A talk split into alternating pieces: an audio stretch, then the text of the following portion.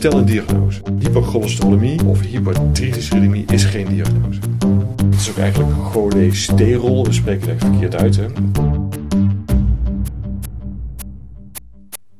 Welkom bij uh, een nieuwe aflevering van Medische Snippers. Uh, ik ben Patrick Greven, zoals jullie wellicht aan mijn stem horen. En ik zit hier met uh, Frank Visseren. Uh, jullie ook allen bekend. We gaan het hebben over, over cholesterol. want ik heb een, een, een, een lipidespectrum geprikt. En ik weet eigenlijk niet helemaal niet wat ik er nu mee moet doen.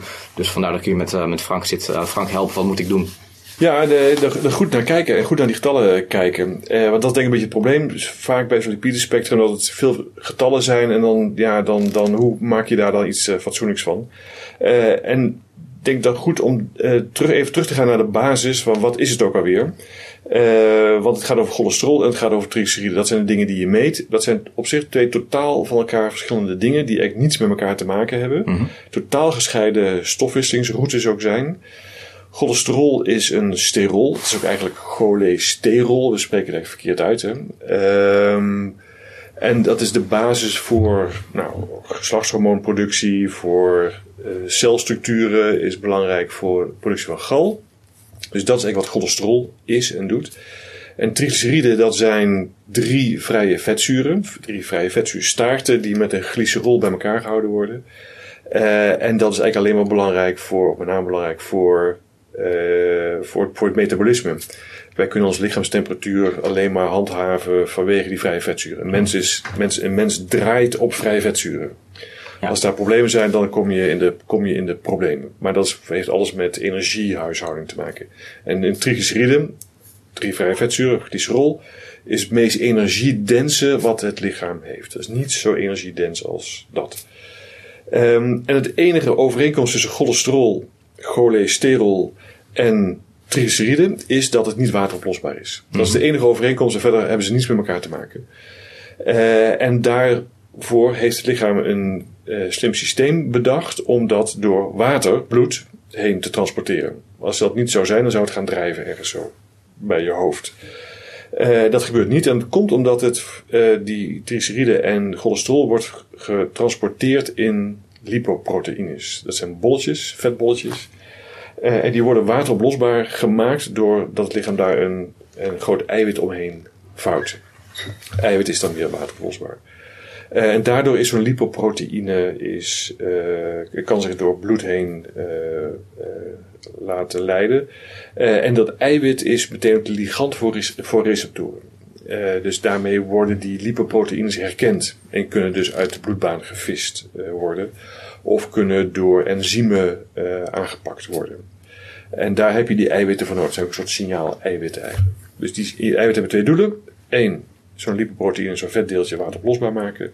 Twee, uh, ze dienen als ligand voor uh, receptoren en enzymen. Ja. Dus eigenlijk die, die, die, die vetbolletjes als we ze tegenkomen, dat is die, die lipoproteïne doorheen. En daarbinnen zitten dan de, de cholesterolen en de triglyceriden. Ja. En het, het, enige toeval is dat ze samen in dat bolletje zitten, maar verder hebben ze eigenlijk niks met elkaar te doen. Betrekkelijk weinig, ja. Ze, ze dienen andere doelen in, zeg maar, in, om, om de mens in leven te houden. Uh, en, de, en het zijn eigenlijk gescheiden uh, pathways als het gaat over, over metabolisme en over hoe ze verwerkt worden, hoe ze geproduceerd worden. Um, dus daar moet je ook denk ik onderscheid in maken. En waarom die bolletjes? Denk vanuit bolletjes. Um, want uh, wat je natuurlijk meet, hè, even terugkomen op het lipidespectrum. Mm -hmm. Um, daar zit LDL-cholesterol in. En daar zit HDL-cholesterol in bijvoorbeeld. En daar zit triglyceride zit daarin. Um, en het HDL-cholesterol, dat gaat over cholesterol wat in HDL-bolletjes zit.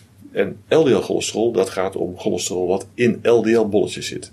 Dus niet een soort subvorm van cholesterol. Het is allemaal exact hetzelfde cholesterol. Mm -hmm. Alleen zit het in andere lipoproteïnes. Uh, en dat, dat kunnen we meten. En waarom is het relevant? Want HDL-cholesterol, dat is cholesterol wat een bolletje zit, wat eigenlijk weer op weg is om de bloedbaan te verlaten. Reverse cholesterol transport. Um, en hoe hoger dat is, hoe beter eigenlijk. Dat betekent dat het lichaam goed in staat is om cholesterol op te pakken. HDL-bolletjes goed in staat zijn cholesterol op te pakken. Uh, en dat terug te transporteren naar de lever. Dus dat is, op, dat is zeg maar de goede route. Ja. weg, weg van waar het niet hoort. Uh, en LDL-cholesterol, dat is cholesterol wat in bolletjes zit, wat zeg maar, net uit de lever gekomen is en wat nou, op weg is om schade te veroorzaken. En dat, daarom is dat, is dat een belangrijk onderscheid. Ja, want eigenlijk is dus helemaal geen, geen overeenkomst ook tussen HDL en LDL in de zin van waar ze vandaan komen. Ze hebben een hele andere bron, een hele andere functie. Ja, heel goed punt. Uh, want uh, zowel HDL-cholesterol of HDL-deeltjes die worden niet gemaakt. En LDL-cholesterol wordt ook niet gemaakt. Dat ontstaat eigenlijk langzaam in de circulatie. Uh, dus even terug naar metabolisme. de lever produceert VLDL, lipoproteïnes. En daar zit cholesterol in, VLDL-cholesterol. En dat VLDL bestaat, die VLDL-bollen, zijn grote bollen, uh, die bestaan voor een groot deel uit triglyceriden en voor een kleiner deel uit cholesterol. Die, de lever maakt dat. Uh, daar wordt een ApoB-eiwit omheen gevouwen. één ApoB-eiwit om één VLDL-bolletje heen. Wordt de circulatie ingeschoten uh, en komt dan in capillaire terecht. En in die capillaire zit aan de binnenkant op endotheelcellen, aan de binnenkant van bloedvaten, zit een heel groot enzym, dat heet lipoproteïne lipase, LPL.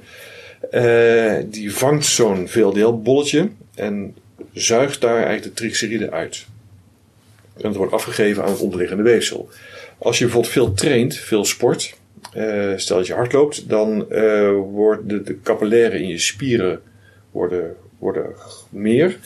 En, de, en, en het LPL, het enzym, wordt actiever. En dan ga je dus meer triglyceriden uit die VLDL-bolletjes halen en dan naar je spieren, je beenspieren brengen. En, en dat is weer omdat triglyceriden eigenlijk een hele dense bron van energie zijn. Ja, dus die spieren hebben dat nodig om, om, om uh, daar wordt weer uh, ATP van gemaakt en dat hebben je spieren nodig. Bijvoorbeeld um, vrouwen die borstvoeding geven, daar wordt uh, het LPL, dat enzym, opgereguleerd in borstweefsel. En dan als zo'n veel daar langs komt, dan wordt op daar ter plaatse wordt dan uh, triglyceride afgegeven. En dat kan dan verwerkt worden om daar moedermelk van te maken. Dus zo is je lichaam door dat LPL en de opreguleren van het LPL in staat om energiestromen te shuffelen uh, naar de plekken waar het nodig is. En dat kan zijn dus in spierweefsel als dat daar nodig is. Dat kan zijn in borstweefsel als het daar nodig is. Dus waar het nodig is, de, dus zo, zijn wij in staat om te zorgen dat uh, energie op de plekken komt waar het uh, nodig is. Dus als uit zo'n VLDL-deeltje uh, de triglyceriden langzaam minder worden onder invloed van dat LPL, dan wordt verhoudingsgewijs de hoeveelheid cholesterol meer. De hoeveelheid blijft, exact hoeveelheid blijft hetzelfde, de totale hoeveelheid, de absolute hoeveelheid, maar verhoudingsgewijs wordt het meer, omdat de triglyceriden eruit gaan. En zo ontstaat langzaam een LDL-deeltje. Uh, dat is eigenlijk meer een soort afspraak eigenlijk. Als de hoeveelheid triglyceriden voor een groot deel verdwenen zijn uit zo'n VLDL-deeltje, dan praten we over LDL-cholesterol.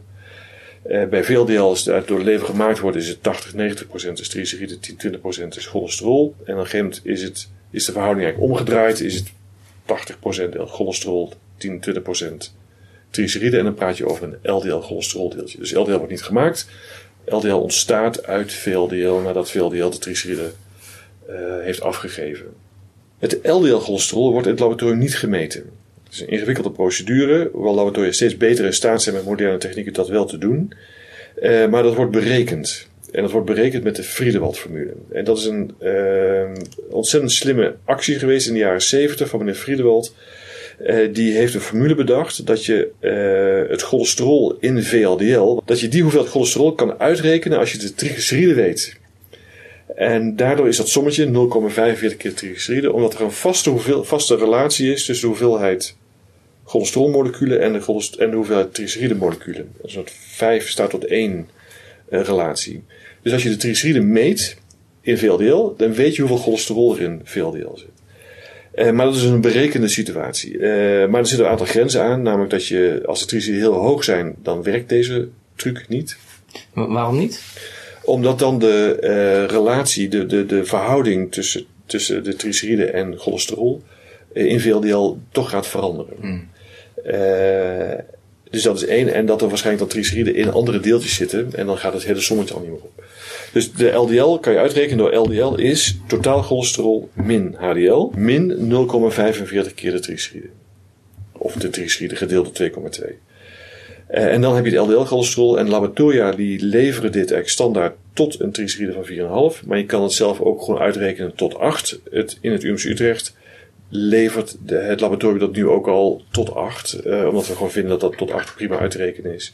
Maar er zijn veel laboratoria die dat nog niet doen. En dan kan je het gewoon zelf met de hand uitrekenen met de Friedewald-formule. ja. Die meet, zijn dat dan ook de triglyceriden die je meet in de VLDL-deeltjes? Nou, goed punt. Um, want waar is de triglyceriden? Nou, de, de, de, de triglyceride-rijke lipoproteïnes, dat, dat is inderdaad VLDL. Hè, want daar zo komt het de circulatie in. En dat zijn chylomicronen. En chylomicronen, dat zijn de grote, die zijn nog groter dan VLDL. Uh, ook daar zit een ApoB-eiwit om. Uh, niet een ApoB100, maar een ApoB48. Omdat dat ApoB is maar 48% van de lengte van een, een, ApoB wat op VLDL zit. Dus zo kan je ook in het laboratorium onderscheid daarin maken. Um, die chylomicronen die komen in, de, in het lymfesysteem terecht. En in de ductus komen ze uiteindelijk in de circulatie. En um, daar zit dus heel veel triglyceriden ook in. Er zijn triglyceride-rijke deeltjes en ook een beetje cholesterol uh, in. Ook die komen in de circulatie. Ook die kunnen klikken aan dat LPL-enzym. En op die manier kan chylomicronen kunnen hun triglyceriden ook afgeven aan weefsel. En uiteindelijk via de scavenger receptor in de lever worden die chylomicronen uit de circulatie gehaald. Als het grootste deel van die triglyceriden afgegeven zijn. Um, behalve HDL en LDL wordt ook nog wel eens de term non-HDL cholesterol genoemd. Hoe moeten we dat interpreteren? Non-HDL is, een, is, een, is een, uh, denk ik een hele mooie manier om de totale hoeveelheid slechte, gevaarlijke uh, cholesteroldeeltjes te beschrijven. LDL is daar de allerbelangrijkste van, maar niet de enige. Uh, we meten, het laboratorium meet het totaal cholesterol. Het laboratorium meet de hoeveelheid cholesterol in HDL. Um, en als je dan totaal cholesterol min HDL cholesterol, dat is non-HDL cholesterol. En dat zijn dus alle slechte deeltjes bij elkaar. En uh, het ApoB zelf, is, is dat nog van, uh, van toegevoegde waarde? Nou, ook, ook, dat, ook dat is een interessant uh, onderwerp. Ook een onderwerp van veel onderzoek. want als je weet dat het ApoB-eiwit, dat er één ApoB-eiwit op één slecht cholesteroldeeltje zit, LDL of VLDL, dan is dus de concentratie van ApoB recht evenredig met het aantal slechte deeltjes. En uh, het aantal slechte deeltjes bepaalt natuurlijk voor het belangrijkste deel het vaatrisico. Want we vinden dat VLDL, cholesterol in VLDL of cholesterol in chylomicronen, niet zo gevaarlijk is. Want het zijn hele grote bollen, eh, VLDL en chylomicronen, en die stuiteren een beetje zo door de bloedvaten heen. En die, leveren die zorgen voor weinig schade. Terwijl als die triciden eruit zijn en zo'n VLDL-deeltje een LDL-deeltje wordt, dan wordt het, is dat een heel klein deeltje geworden wat veel makkelijker de interactie met de vaatwand aan kan gaan. Dus op het moment dat cholesterol in dat soort deeltjes zit, dat, dat is cholesterol wat, wat veel, veel meer in staat is om schade aan te richten. Om achter te blijven in bloedvaten. Terwijl als dat in grote bollen zit, niet. Um, en het ApoB is, uh, dus als je weinig ApoB hebt, dus als de, relatie, de verhouding tussen ApoB en cholesterol zo is dat, dat je weinig ApoB hebt, dan betekent dat cholesterol vooral in grote lipoproteïnes zit. En dus weinig schade kan aanrichten. Terwijl als dezelfde hoeveelheid cholesterol in kleinere deeltjes zit, met name in LDL, dan zal je zien dat, het, dat de concentratie ApoB veel hoger is. Dus de, de ApoB die je eigenlijk meet dan, dat is meer iets wat zegt over de, de, de verhouding van ApoB tot cholesterol, dan dat de absolute waarde van ApoB uh, van toegevoegde waarde is. Ja, allebei een beetje. Want het, we vinden eigenlijk een ApoB tot 0,85, dat is eigenlijk laag. Uh, maar het gaat eigenlijk om de verhouding ApoB totaal cholesterol. En uh, in de dagelijkse praktijk maken we van ApoB, als het gaat over huistuin- en keukenlipideproblematiek, hebben we aan ApoB niet zo heel veel. Want het risico van cholesterol op krijgen hart- en vaatziekten, in predictiemodellen bijvoorbeeld, uh, als je daar ApoB aan toevoegt, dan levert dat heel weinig extra informatie op. Dus daar heb je het niet voor nodig. In huis- en spectra heb je het ook echt niet nodig om daar toch verstandige dingen mee te kunnen doen. Met name als, het, als, de, als de lipiden erg hoog zijn, als er gekke verhoudingen zijn, als, als de triglyceriden in het spel zijn. Uh, dan moet je eens even gaan nadenken of je ApoB kan gebruiken om een diagnose te stellen. Yes. Um, en dat HDL-cholesterol, staat in zijn essentie daar los van. Want HDL-cholesterol, HDL-lipoproteïne eigenlijk, misschien beter om dat te zeggen, uh, daar zit een ApoA-eiwit omheen. Anders dan ApoB, ApoA. Daarmee kan het laboratorium ook onderscheid maken. Dus zo meten we het ook. dus dat zijn lipoproteïnes waar een ApoA-eiwit heen, omheen zit, gevouwen. Het zijn overigens meer dan één per HDL-deeltje. Ehm, en dat ApoA-eiwit maakt zo'n HDL-deeltje wateroplosbaar. De situatie is dat ApoA, dat eiwit, dat wordt gemaakt door cellen. We nemen aan dat dat, dat, dat darmcellen zijn en dat dat niercellen zijn. Uh, en dat wordt in de circulatie losgelaten. Dan heb je een soort van los eiwitje met een beetje fosfolipide. En dat ApoA kan klikken aan uh, de ABCA1 receptor. En dat, zit, dat wordt tot expressie gebracht op allerlei cellen, ook cellen van de vaatwand. Op het moment dat hij dat doet, uh, dan zuigt hij een klein beetje cholesterol op. En zo, zo kunnen cellen, dus vaatwandcellen, kunnen zo cholesterol afgeven aan dat beetje fosfolipide en ApoA. En dan langzaam ontstaat er dan een HDL-deeltje. Dat ApoA, die fosfolipide, dat zuigt cholesterol op allerlei plekken, slobbert overal een beetje cholesterol op. En dan ontstaat er langzaam in de circulatie ontstaat er een HDL-cholesterol deeltje. Of HDL-deeltje, waar cholesterol, steeds meer cholesterol in komt te zitten. Dus HDL, die bolletjes worden niet ergens gemaakt, die ontstaan langzaam, die groeien langzaam in de circulatie. Dat HDL-deeltje, als het al groot genoeg is, daarmee HDL1, HDL2, HDL3, er zitten verschillende fases in die HDL-deeltjes. Dat, dat, meten we niet, we meten gewoon totaal. Uh, en we meten eigenlijk alleen wat cholesterol in HDL-deeltjes. Uh, eh, dus niks, niks anders. We weten alleen het cholesterol. Er zit ook nog een klein beetje triglyceride ook al in HDL. Eh, maar we meten dat cholesterol. En het moment dat dat, dat HDL-deeltje helemaal gematureerd is, groot is, dan wordt die door de lever uit de circulatie gehaald. En zo ben je dus in staat om cholesterol van plekken weg te brengen, de vaatwand bijvoorbeeld, en terug naar de lever. En de lever verwerkt dat cholesterol weer en, en gooit dat in een veeldeeldeeltje weer de circulatie in. Helemaal, Wouter hier. Zoals te verwachten heeft Frank in totaal bijna twee uur over lipiden gesproken. Uh, maar aangezien de meeste van jullie inmiddels op werk zullen zijn aangekomen, verdelen we het in twee of drie stukken. De afgelopen 20 minuten gingen over het metabolisme van cholesterol en triglyceriden. En een belangrijk punt is denk ik dat hoewel we LDL, HDL en triglyceriden vaak uh, in één keer aanvragen onder de noemer lipidespectrum, je er goed aan doet om ze toch elk apart van elkaar te zien met elk een eigen metabolisme, differentiaaldiagnose bij afwijkingen en gedeeltelijk ook eigen behandeling, zoals uh, later aan bod zal komen. Een ander relevant leerpunt is dat het LDL dat je gerapporteerd krijgt van het lab geen gemeten waarde is, maar berekend wordt met behulp van de Friedewald-formule. Uh, deze berekening is alleen betrouwbaar wanneer er geen overmatige hypertriglyceridemie bestaat. Uh, en de meeste laboratoria rapporteren daarom geen LDL meer wanneer de triglyceriden hoger zijn dan 4 mmol per liter. Eh, Frank geeft echt aan dat de formule prima betrouwbaar is tot 8 mmol per liter. En um, in sommige gevallen kun je dan dus alsnog het LDL prima zelf uitrekenen. Nou, dat was het voor nu. Als je nog een tijd te gaan hebt in de auto of op de fiets, dan uh, kun je meteen door met de volgende aflevering. En anders, tot snel.